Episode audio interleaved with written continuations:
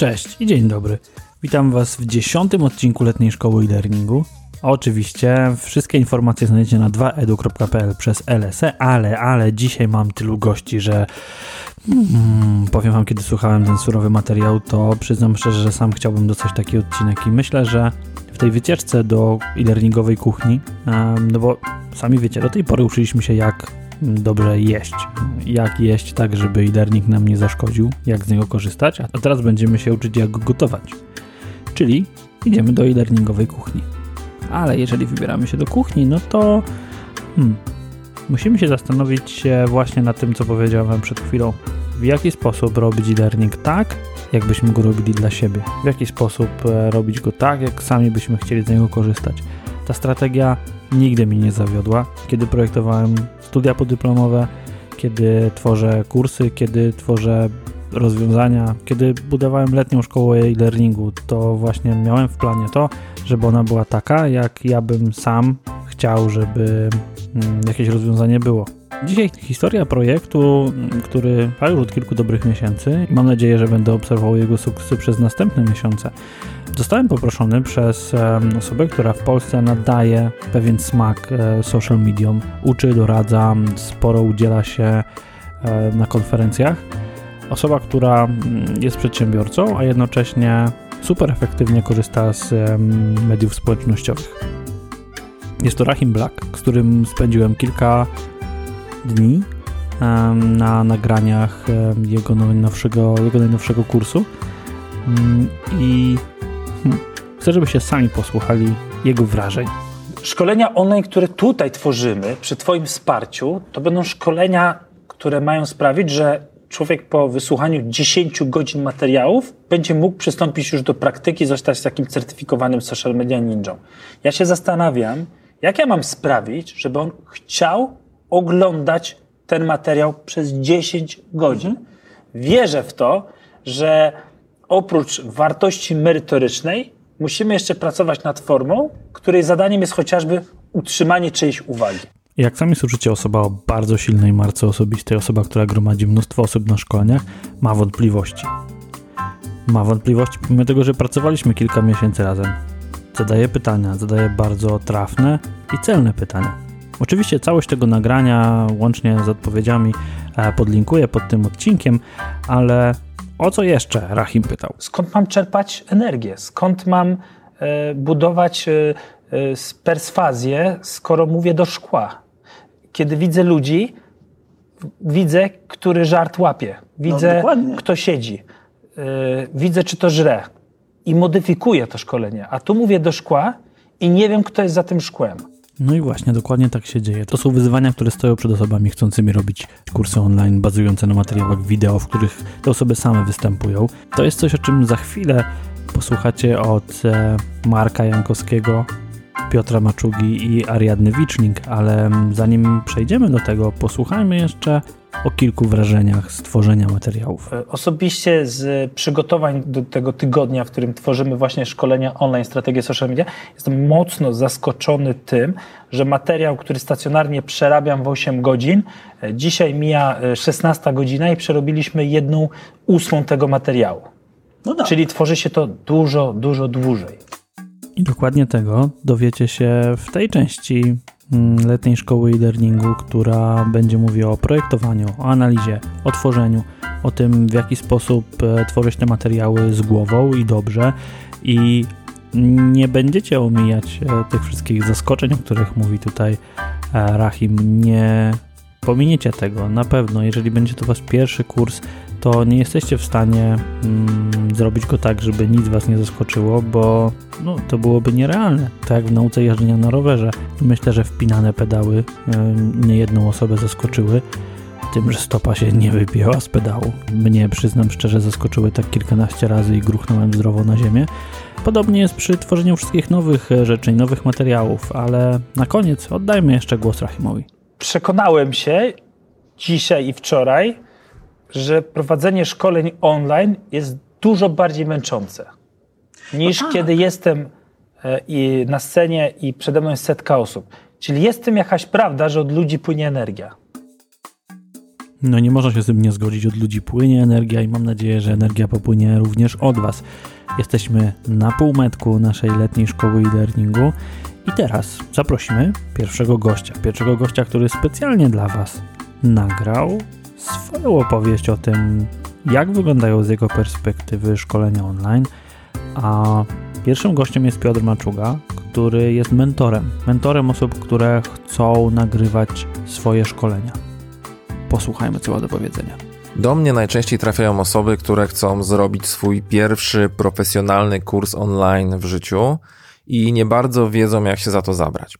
To znaczy, w internecie jest trochę porad na ten temat. Wystarczy teoretycznie założyć sobie konto na jednej z platform kursowych, tam to wszystko ładnie opisać, podzielić na sekcje, na lekcje, nagrać te lekcje, opublikować te lekcje, ustawić cenę i w zasadzie możemy wyjeżdżać na plażę i żyć tylko i wyłącznie z pasywnych dochodów związanych ze sprzedażą własnych kursów. W praktyce, jak wiemy, to takie proste nie jest. Mm, widać to bardzo dobrze po tym, jak działają platformy. Wbrew pozorom, nawet te takie, których czasami nie szanujemy za jakość kontentu, który tam się pojawia, one dosyć dobrze podjęły temat tej takiej małej metodyki learningu. To znaczy, starają się prowadzić za rękę człowieka, który bardzo często nie ma bladego pojęcia o uczeniu dorosłych przez internet, tak aby on był w stanie stworzyć ten swój pierwszy kurs. Lepiej lub gorzej, ale stworzyć. I tam znajdujemy jakieś takie zalążki metodyk, metod, schematów, checklist. Wszystko po to, aby przejść ten proces krok po kroku.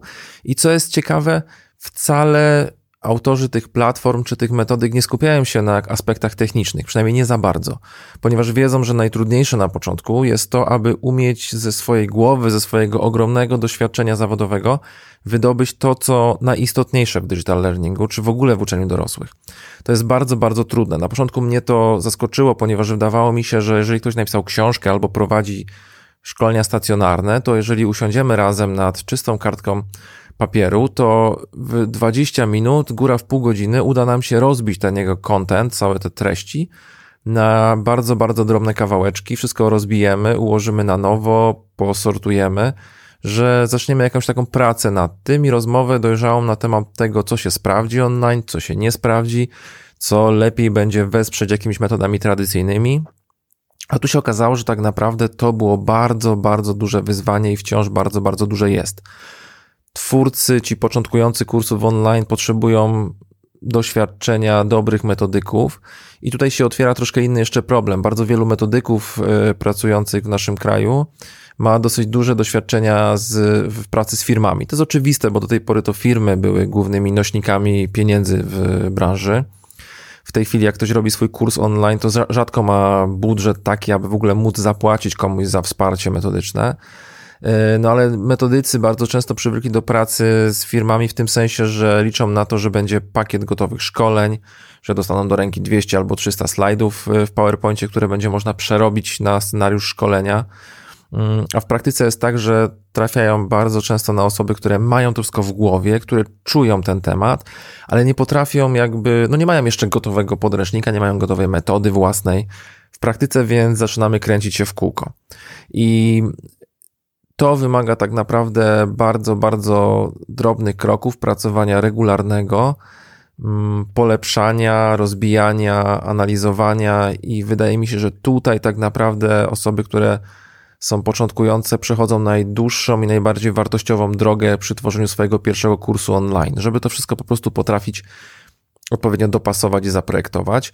Mimo, że większość rozmów, które prowadzę, zaczyna się od takiego pytania, jaką platformę polecam, albo czy warto postawić kurs na własnym blogu, czy może na jakiejś właśnie platformie, jakie tam są funkcje, ile to kosztuje, czy zwykły serwer to obsłuży, czy nie. Pojawiają się pytania techniczne, które ludzi interesują. W praktyce zaś to nie technologia jest problemem, tylko no, brak naszego takiego doświadczenia w zakresie tego, jak uczyć dorosłych i w szczególności jak uczyć przez internet, gdzie jednak y, jest bardzo, bardzo wiele pokus, aby zrobić to e, szybko, niewłaściwie, osieracając bardzo często naszych odbiorców, bardzo często e, przepełniając ich wiedzą niepotrzebnie, generalnie nie prowadząc żadnego procesu dydaktycznego, tylko tworząc jakiś niepotrzebny w wielu wypadkach nikomu content. Ale z drugiej strony, jak spojrzymy na to zjawisko masowego tworzenia kursów i sprzedaży, to ja zauważyłem coś takiego, że bardzo sprawdzają się osoby, które nie mają w sobie takiego pierwotnego lęku przed tym wszystkim. To znaczy, oni siadają do jakiegoś swojego tematu i bardzo często przychodzą do mnie i mówią: Słuchaj, ja już mam pierwszy kurs. Nikomu go nie pokazywałem, albo pokazywałem tylko najbliższym znajomym, bo wiesz, nagrałem go komórką, nie jest jeszcze dobry, ta jakość taka mi nie odpowiada, chciałbym z tobą zrobić to bardziej profesjonalnie, ale ja go mam. I dla mnie to jest zawsze takie miłe zaskoczenie, że ktoś podjął temat, że zrobił taki proof of concept, że zrobił swoje pierwsze, nie wiem, 10 lekcji i to jest zupełnie wtedy inny poziom dyskusji, bo ja wiem, że rozmawiam z kimś, kto przechodził przez te wszystkie e, trudności, kogo dotykały te wszystkie takie lęki, czy zakres tej lekcji jest ok, czy ona powinna być może w innym miejscu, czy może w ogóle nie powinno jej być, jakie elementy interakcji tam dodać, czy wystarczy wideo z gadającą głową, czy może robić jakieś fikuśne, nowoczesne elementy interaktywne i tak dalej, i tak dalej. Takiej, w takiej sytuacji ja mam partnera do rozmowy, jest mi troszkę prościej, a z drugiej strony bardzo wiele osób po prostu bardzo, bardzo, bardzo boi się spróbować i zacząć. Zawsze zachęcam do tego, aby spróbować coś napisać albo wziąć telefon komórkowy, postawić na lustrze w łazience i nagrać pierwsze dwie, trzy lekcje w warunkach nieprofesjonalnych, ale mnie bardzo to pomaga, kiedy później widzę taki materiał, bo wiem nad czym musimy najwięcej pracować. Więc reasumując tę moją długą wypowiedź, Chciałem zwrócić uwagę na dwie rzeczy. Uważam, że nadchodzi czas y, metodyków, którzy będą pracowali z osobami takimi indywidualnymi, z osobami, które budują swoją e, markę osobistą i to będzie troszkę inny rodzaj kompetencji niż te, które wykorzystujemy pracując z, z firmami. I po drugie, będzie bardzo premiowane, już jest bardzo premiowane to, że nie boimy się tworzyć na próbę, powielać, e, powtarzać, testować, niszczyć, budować jeszcze raz a nie jesteśmy zahipnotyzowani tym oczekiwaniem, że kiedyś stworzymy najlepszy kurs na świecie. Trzeba po prostu robić.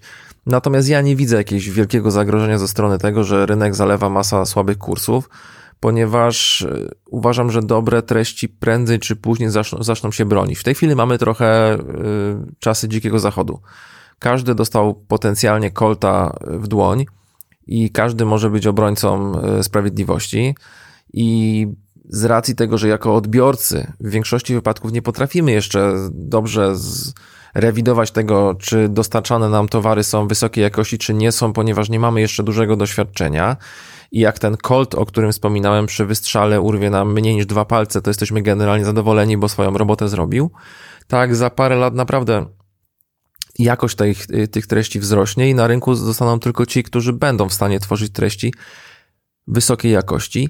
I ja też uważam, że da się dostarczać treści wysokiej jakości, da się dostarczać treści również takie premium, które będą e, połączone z dobrej jakości blended learningiem, e, z dobrej jakości materiałami tradycyjnymi, że da się z tego zrobić biznes, bo w końcu jakby nie patrzeć, żyjemy w 40-milionowym kraju, więc co o tym biznesie mogliby powiedzieć na przykład, nie wiem, Węgrzy, czy, czy, czy Słowacy, e, czy Bułgarzy. My naprawdę mamy duże możliwości u nas i powinniśmy z nich korzystać.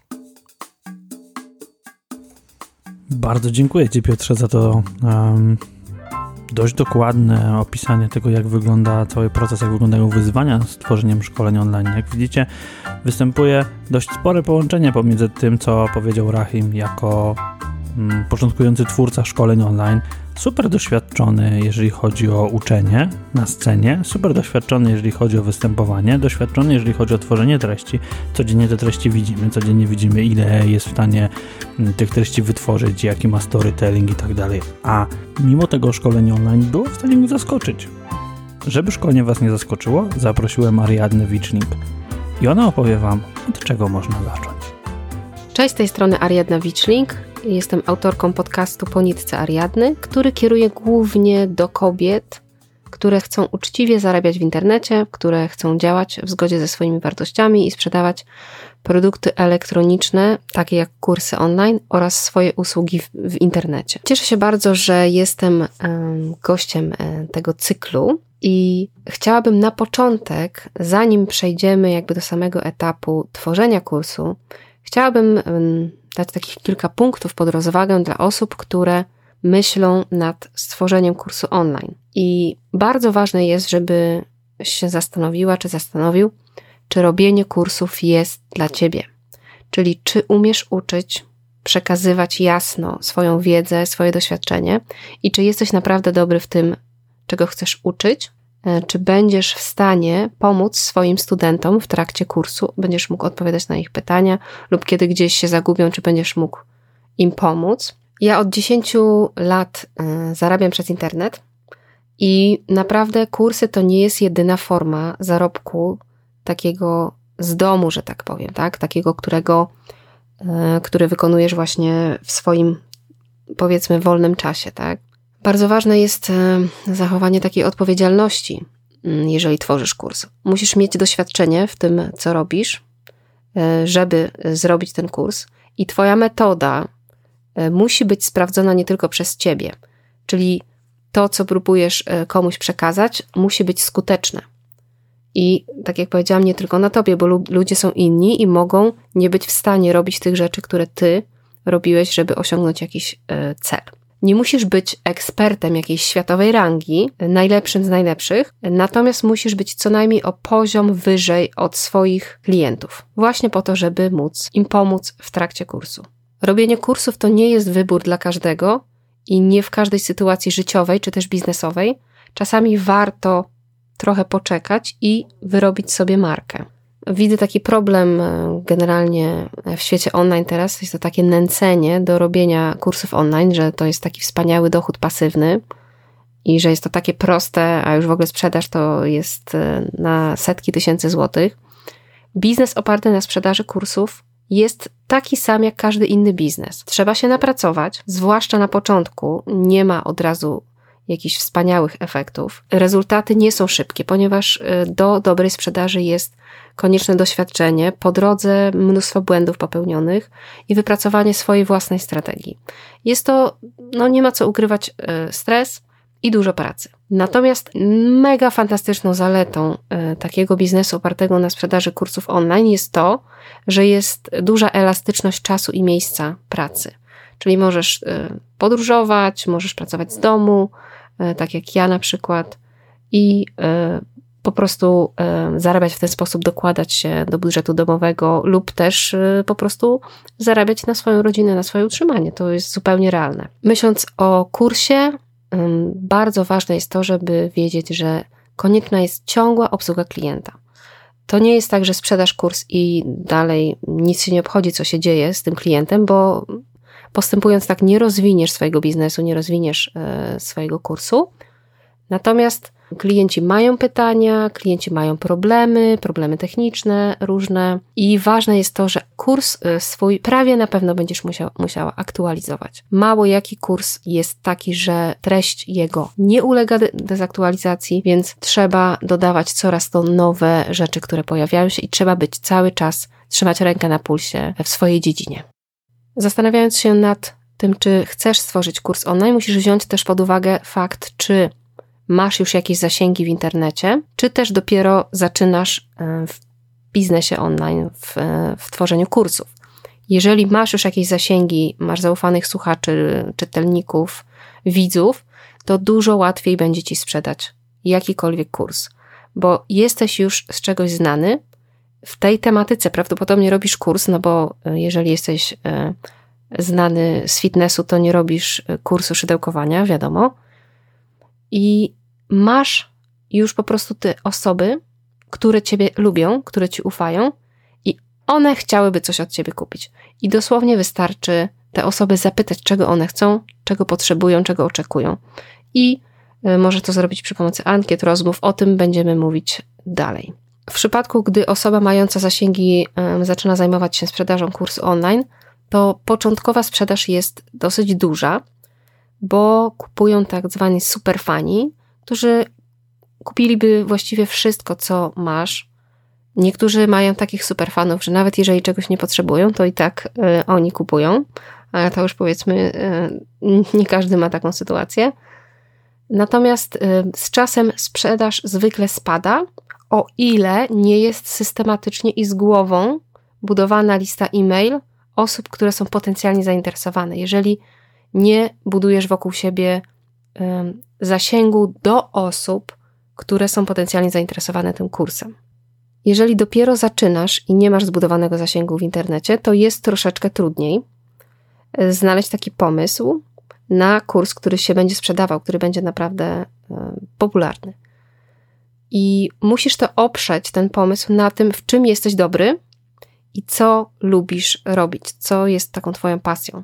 A potem dopiero możesz zacząć szukać ludzi, którzy właśnie potrzebują tego, co Ty chciałbyś zaoferować. To nie jest idealna sytuacja. Dużo lepiej jest budować produkt pod osoby, do których masz dostęp, niż odwrotnie, czyli e, tak jakby wychodzisz na ulicę i pytasz, kto chce kupić to, co ja bym chciał sprzedawać. To jest trudne. Musisz zastanowić się, czy masz dostęp do takich swoich idealnych klientów, takich potencjalnych, a jeżeli nie, to jak go zdobędziesz e, w procesie tworzenia kursu. Bo jeżeli chcesz sprzedawać kurs samodzielnie, e, czyli nie przy użyciu jakiejś tam platformy, to musisz dbać o marketing. Czyli potrzebujesz do tego, żeby ten marketing ci wyszedł, potrzebujesz czasu, żeby zbudować sobie markę, a jeżeli nie masz tego czasu, to potrzebujesz pieniędzy, pieniędzy na reklamę, tak żeby dotrzeć do osób, które będą chciały kupić Twój kurs. Bo jeżeli kurs stworzysz i choćby nie wiem, jak dobry on był i nie będzie, nie będziesz mieć dostępu do tych osób, które będą chciały kupić ten kurs, no to no po prostu choćbyś e, nie wiadomo, co zrobił, to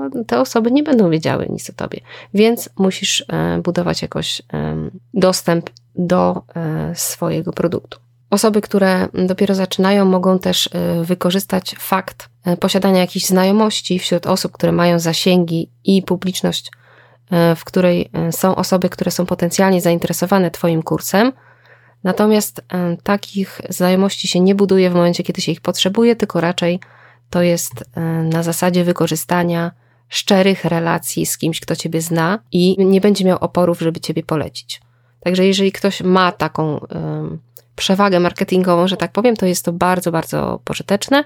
Natomiast jeżeli tego nie masz, no to trzeba się posługiwać pieniędzmi i czasem, czyli reklama i budowanie marki, na przykład treściami w internecie. Jeżeli będziesz e, sprzedawać swój kurs przez jakąś platformę typu Udemy, to musisz mm, mieć świadomość, że płaci się za to prowizję, czasami nawet niemałą. E, nie ma się wpływu na marketing i nawet na cenę kursu, także może się okazać, że będziesz sprzedawać wiele sztuk, że tak powiem, swojego kursu, natomiast nie będziesz mieć do niego zbytnio nie będziesz mieć e, wpływu na to, ile będziesz zarabiać i nie będziesz też mieć specjalnego e, kontaktu ze swoimi studentami. W sensie e, nie będziesz wiedzieć, jak się mają, że tak powiem, jest troszeczkę inaczej to działa. Jeżeli dopiero zaczynasz, to zwykle szukasz potrzeb na rynku i zastanawiasz się właśnie, jak możesz stworzyć kurs, który będzie chętnie kupowany Rozmawiasz y, z osobami, które są najbardziej jakby odpowiadające wizji Twojego idealnego klienta na ten kurs. Obserwujesz na przykład grupy facebookowe, jakieś fanpage i tak dalej, lub po prostu polegasz na swojej intuicji, która dla jednych się sprawdza, dla innych się nie sprawdza. Wraz z rozwojem marki i strategii y, tendencja, jeżeli chodzi o sprzedaż, y, jest wzrostowa czyli trochę odwrotnie niż u osób mających zasięgi, chyba że te osoby oczywiście pracują cały czas nad marketingiem. E, bo tak jak mówiłam, kurs online wymaga cały czas pracy. W dużej mierze jest to praca nad marketingiem. Inną opcją jest e, darmowy kurs online, czyli tworzysz coś i dajesz to za darmo, za adres e-mail najlepiej. I wtedy jest to świetny sposób, żeby budować markę i zasięgi i e, kiedyś wykorzystać ten zasięg po to, żeby zbudować kurs online, który będziesz sprzedawać. Wszyscy, którzy chcieliby sprzedawać kursy online, muszą jakby spełnić takie trzy warunki, zastanawiając się nad tym pomysłem do kursu online. I to jest, jedno to jest, w czym jestem dobry, co jest moją pasją i czego ludzie potrzebują.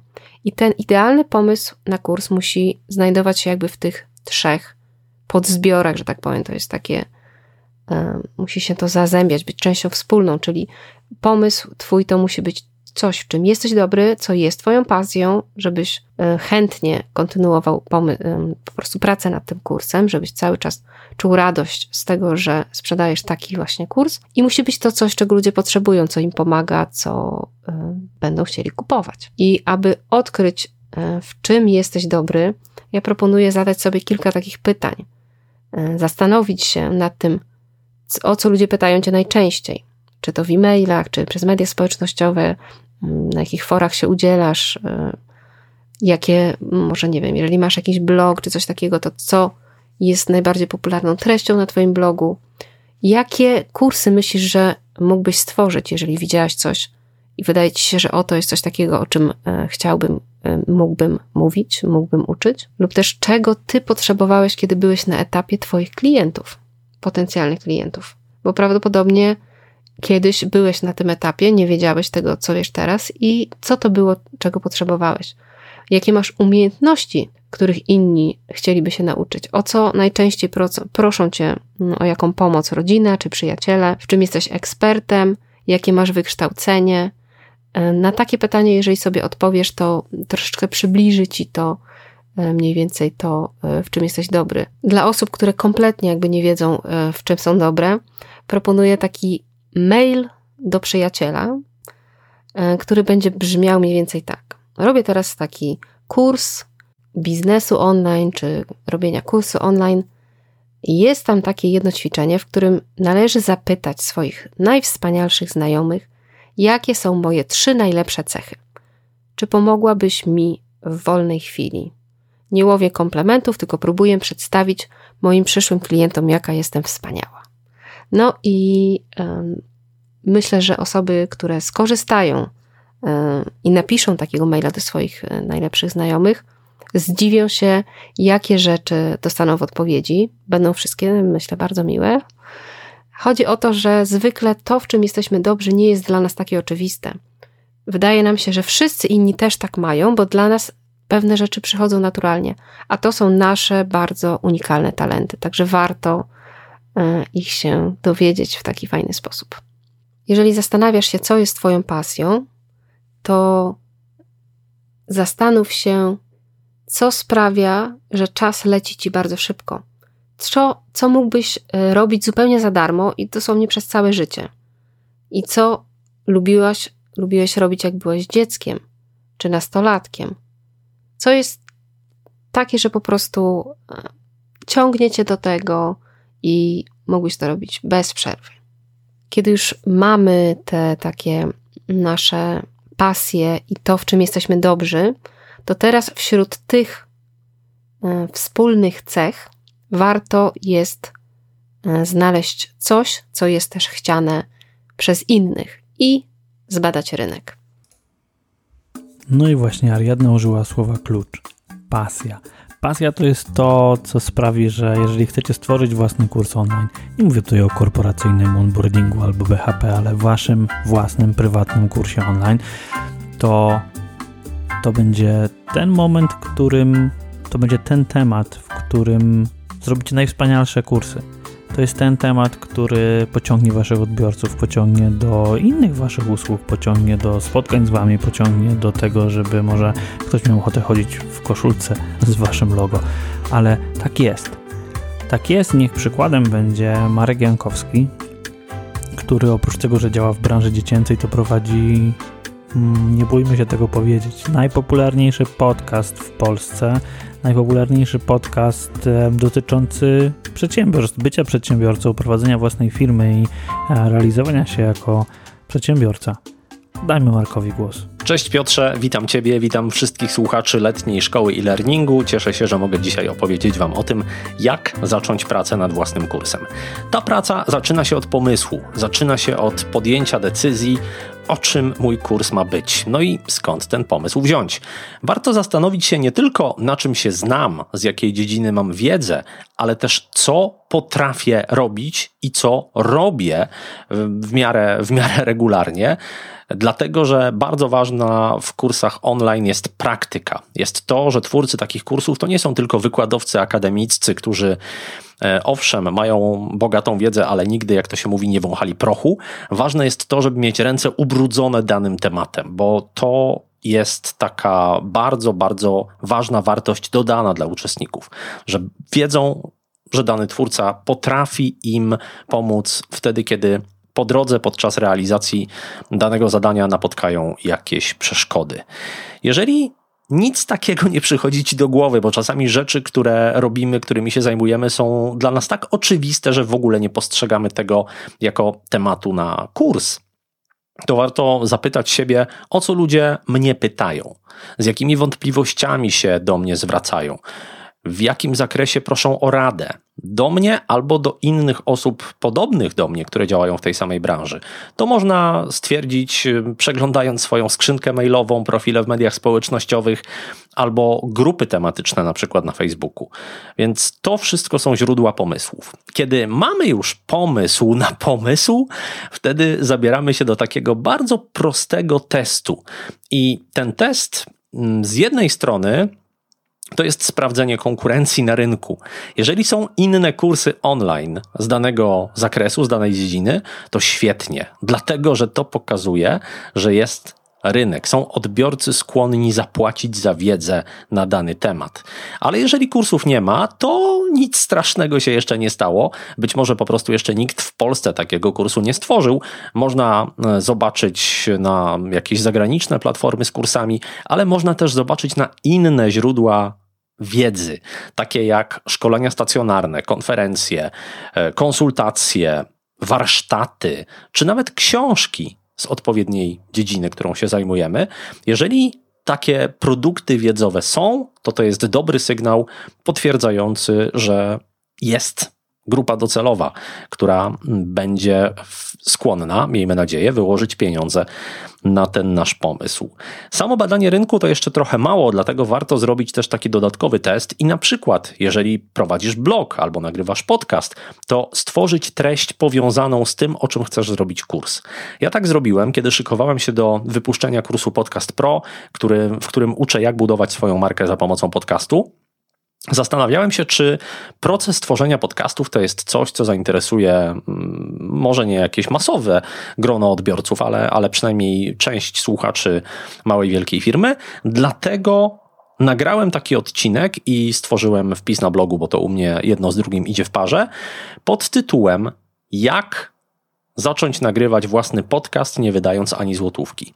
I patrzyłem, czy ludzie słuchają tego odcinka, wchodzą na ten wpis, zadają związane z tym pytania, bo to świadczyło o zainteresowaniu danym tematem. Jeżeli nie nagrywasz podcastu albo nie prowadzisz blogu, to możesz zrobić na przykład Facebook Live na taki temat i też zobaczysz, ile osób przyjdzie cię posłuchać, zobaczysz, czy będą zadawać pytania, jakie to będą pytania, e, poczujesz atmosferę tej dyskusji i zorientujesz się, czy to rzeczywiście jest jakiś problem, który możesz pomóc tym ludziom rozwiązać, no bo tak też warto myśleć o kursie online. Możesz stworzyć jakiś dokument PDF do pobrania ze wskazówkami na dany temat i też zobaczyć, ile osób taki dokument pobierze.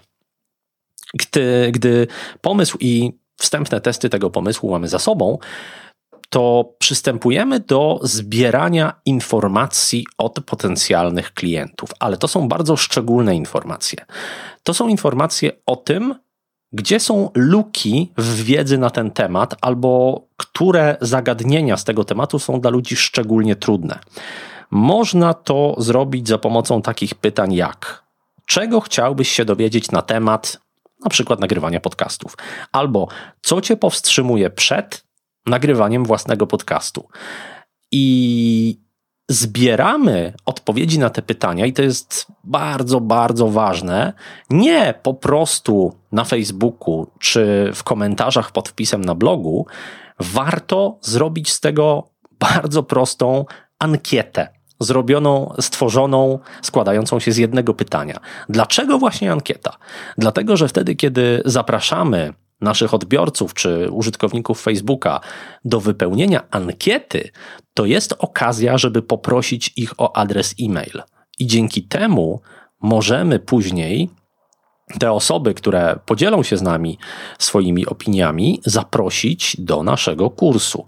Więc to jest już początek budowania bazy naszych potencjalnych klientów. Oczywiście warto to zrobić zgodnie ze wszystkimi przepisami dotyczącymi danych osobowych.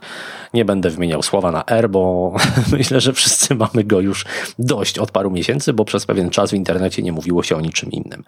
Więc zbieramy opinie na temat tego, co ludziom sprawia problem, co ich powstrzymuje, jakie bariery zauważają w danej dziedzinie, którą się zajmujemy. I bardzo ważne, że ta nasza ankieta, złożona z jednego pytania, to powinno być coś, co bardzo mocno promujemy. I w mediach społecznościowych, i na swoim blogu, i w podcaście, i w wideo, i w każdej innej formie, jakie, jak, jakiej, z jakiej możemy skorzystać. E, być może znajomi nam pomogą.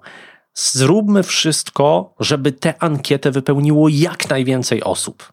Bo po pierwsze, nasza lista potencjalnych klientów będzie wtedy większa, a po drugie, im więcej informacji zbierzemy, tym więcej będziemy mieć materiału do analizowania. I analiza to jest ostatni element całego tego procesu, o którym chcę powiedzieć. Analiza to jest bardzo uważne przeczytanie tego, co w odpowiedzi na nasze pytanie przesłali nam um, użytkownicy, internauci. Zwracamy tutaj uwagę nie tylko na samą treść, na to, jakie są te problemy, bo to jest y, bardzo ważne i za pomocą tej wiedzy możemy od razu stworzyć tak naprawdę spis treści naszego kursu, bo wiemy, które zagadnienia powinny się tam znaleźć. Ale drugi element, poza samą merytoryką, to jest język, którego używają internauci. Może być tak, że ty, siedząc w danym temacie, używasz słownictwa fachowego, słownictwa, które nie dla każdego będzie zrozumiałe. A ludzie, którzy są nowi w tej dziedzinie, nie znają jej, używają trochę innych słów i warto te słowa podłapać i wykorzystywać je w komunikacji z nimi, bo w ten sposób lepiej do nich trafisz. Może być tak, że kiedy mówią o swoich problemach, to też e, używają pewnych określonych zwrotów i jeżeli tych zwrotów użyjesz później, w dalszej perspektywie, na stronie sprzedażowej, to odbiorcy poczują, że ty doskonale rozumiesz, z czym oni mają problem. Że ty potrafisz niejako wejść do ich głowy. Więc e, z tego powodu ta analiza jest bardzo ważna. No i to jest e, cały proces. Podsumuję go jeszcze raz. Zaczynamy od tego, że e, mam pomysł, Potem robię taki bardzo prosty test tego pomysłu, sprawdzam, czy jest konkurencja, ewentualnie tworzę jakąś darmową treść i patrzę, jaka jest temperatura zainteresowania wokół tej treści. Zbieram, tworzę ankietę w której zbieram pytania i wątpliwości potencjalnych klientów, promuję tę ankietę tak, żeby jak najwięcej osób ją wypełniło i analizuję wyniki. I to wszystko. Ja tego procesu od razu powiem, nie, nie wymyśliłem sam. To jest proces, przez który ja przeszedłem tworząc swój kurs, natomiast zaczerpnąłem ten proces oczywiście z kursu online, z kursu Davida Seidmana Garlanda pod tytułem Create Awesome Online Courses, więc um, chciałem tutaj e, podziękować Davidowi za to, że taki proces w tym kursie zaprezentował i mnie go nauczył, bo, bo ja go przetestowałem i rzeczywiście działa. Bardzo Markowi dziękuję. No i właśnie, zobaczcie. Pasja, pasja i jeszcze raz pasja. Nie dość, że pasja do podcastingu, to jeszcze pasja do tego, żeby nauczyć innych podcastingu. Ja sam przeszedłem kurs Marka i muszę wam powiedzieć, że sporo zmieniłem w swoich e, nawykach nagrywania podcastu, tworzenia podcastu dzięki temu kursowi. Części rzeczy pewnie nie zrobiłem tak, jak Marek e, uczył, no ale słuchajcie. Mm, mam dostęp do kursu ciągle i zawsze i mogę do niego wrócić. E, to też jeden z tych plusów. E, przyznam że czasami wracam, a z grupy, którą Marek założył i prowadzi, ciągle korzystam, pomimo tego, że pojawiają się tam ludzie z kolejnych edycji, ale to taka fajna, wielka rodzina ludzi uczących się tego, jak robić podcasty. No i jak widzicie, efekty są. Możecie tego podcastu posłuchać m.in. dzięki Markowi. A teraz chcę, żebyśmy wrócili jeszcze na chwilę do Ariadny, bo ma nam jeszcze coś ważnego do przekazania. Ostatnim bardzo ważnym kryterium oceny swojego pomysłu na kurs online jest to, czy Twoi klienci zapłacą Ci za Twój kurs. Czyli można by podzielić to na takie dwie, dwa podzespoły, że tak powiem. To są dwa pytania. Czy ludzie chcą kupić Twój kurs i czy mają na niego pieniądze? Bo czasami jest tak, że ktoś chciałby kupić kurs, a nie ma na niego pieniędzy. Przypuśćmy, no nie wiem, kierujesz swój kurs do studentów i chcesz go bardzo dobrze wycenić, wysoko mam na myśli, a się okazuje, że ludzie po prostu nie będą mieli na to pieniądze. Czyli musisz albo zmienić grupę docelową, albo cenę swojego kursu, bo inaczej yy, sprzedaż nie wyjdzie.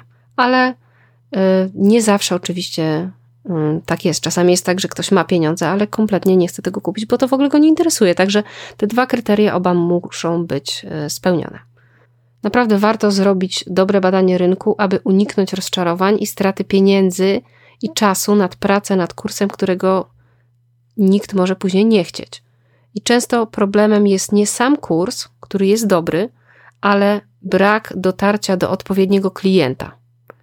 Bo może się okazać, że mamy coś, co jest do, dobre, a wyrzucamy sobie, że jesteśmy beznadziejni i stworzyliśmy coś, czego nikt nie chce, a tymczasem się okazuje, że po prostu nie wiemy, jak dotrzeć do osób. Może to być problem z marketingiem, może to być problem, nie wiem, nawet z nazwą kursu, z jego opisem, y, że osoby, które naprawdę chciałyby od nas kupić ten kurs i którym moglibyśmy pomóc, nie będą zainteresowane. Także warto, warto zbadać rynek i znaleźć pomysł na kurs taki, który, y, nad którym będzie nam dobrze pracować, będzie nam się miło pracować, y, który będzie naszą pasją, y, będzie to coś, co pokaże, jak bardzo dobrze, dobrze jesteśmy w tej dziedzinie i ludzie będą chcieli go kupować. Czego oczywiście wszystkim życzę. No i my również dziękujemy Ci bardzo. Życzymy samych sukcesów w e-learningu i nie tylko we wszystkich Twoich działaniach online, um, również podcastowych. Zobaczcie, jaki nam się długi odcinek dzisiaj zrobił. Naprawdę myślę, że złapiemy za chwilę całą godzinę, bo um, ja ze swojej strony chcę Wam powiedzieć um, o jeszcze jednym obszarze, który warto byłoby sprawdzić.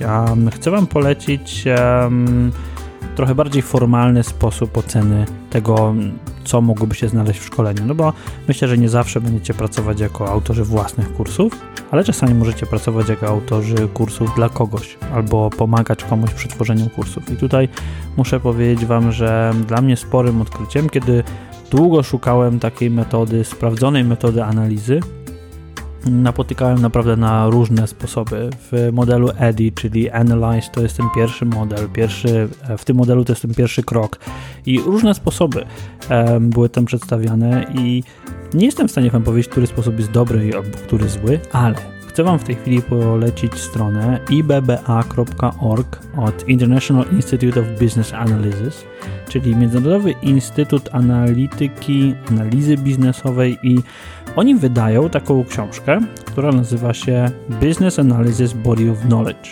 Czyli jest to taki mm, podręcznik analizy biznesowej. I w tym podręczniku, jeżeli poszukujecie takiego bardzo sformalizowanego procesu um, analizy, analizy potrzeb, e, sformalizowanego sposobu na to, żeby prowadzić wywiady z odbiorcami albo e, z klientami, to ta książka będzie w stanie w sposób naprawdę super, ultra dokładny przeprowadzić Was przez cały proces super dokładnej analityki biznesowej. I jeżeli macie taką potrzebę, to bardzo Wam tę książkę polecam. Jeżeli chcecie sięgnąć najgłębiej, jak się daje w analizę, to to może być dobry materiał. To może być rewelacyjny punkt odniesienia, na podstawie którego mm, no, w zasadzie można byłoby stworzyć całkiem długie, myślę, że kilkunastogodzinne szkolenie. Więc e, zobaczcie sobie na stronę ibba.org, a jako zadanie domowe zapraszam Was do wysłuchania kilku podcastów, które podlinkowałem mm, pod tym wpisem. Oczywiście wszystkie linki na 2edu.pl przez LSE jak letnia szkoła e-learningu. Dziękuję bardzo za uwagę i zapraszam do kolejnego odcinka.